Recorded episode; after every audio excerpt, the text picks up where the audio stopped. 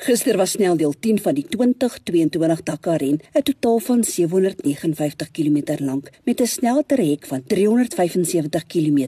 Stefan Pieter Hansel en sy Audi RSQ e-tron het die traject gewen. Ons Toyota Gazoo Racing renspan het 'n goeie dag gehad. Henk Lategan en Brett Cummings was 4de, Nasser Al-Attiyah en Matthew Belmo was 7de, Janiel De Villiers en Dennis Murphy was 15de en Shamir Variawa en Dani Stassen was 37ste. Die goeie nuus is Nasser is nog steeds die algehele voorloper, 32 minute voor Sebastian Loeb in die tweede plek. Ek het die wonderlike voorreg om tans in Saudi-Arabië te wees saam met Toyota Suid-Afrika en ek het nagesit se traject gou met Nasser gesels en sy fokus vir die laaste 2 dae van die 2022 Dakar-ren is om dood eenvoudig te geniet. Your nerves must be shot. How does it feel 2 days before the end? We are so happy to see uh, all the teams here to fly from South Africa to Saudi Arabia to support us. You know, I think we did really amazing job from beginning of the the race. We try, you know, to to manage it day by day. You know, now we have a uh, good lead. You know, this is our dream to win. Uh, you know, with the new car T1 Plus, our Toyota Gazoo Racing. You know, because we know Dakar is one of the tough race in the world. You know, and uh, My question is just how do you manage the pressure? Because I mean, I- at the end of the day, I enjoy.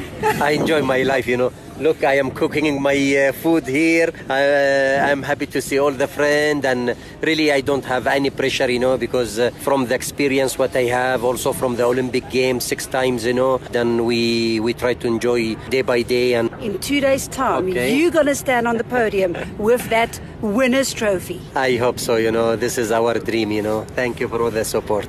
Nou oor na Steffi Wetter van die Southern Africa Dakar Groep om te hoor hoe dit met die res van ons Suider-Afrika deelnemers gegaan het. SRT rally team's Mathieu Serradori was again the top Century Racing CR6 on stage 10 yesterday, finishing ninth on stage and remains ninth overall. The rest of the CR6s had a solid day, with Brian Baragwanath and Leonard Cremer finishing in 20th, Chris Visser and Rodney Burke in 27th, Marcelo Gastaldi and Kadu Sachs in 31st, Ernest Roberts and Henry Cohen in 35th, and Schalk Burger and Henk Janse van Vieren in a solid 56th position. PS Laser Racing's Daniel Schroeder and Ryan Bland finished in 55th position in their modified Nissan Navara. Schroeder and Bland had another tough, dusty day behind the side by sides and nav issues in the tricky canyons. The top riders were all playing a cat and mouse game as strategy kicked into high gear with only two stages to go on this super fast stage. Hero Motorsports' Aaron Mare is again South Africa's top place rider, finishing in a fabulous 13th on stage and now lies 16th overall. Brad Cox had a solid day, finishing in 30th position. Jeanette also found our rookie star Bradley Cox after stage 10 yesterday.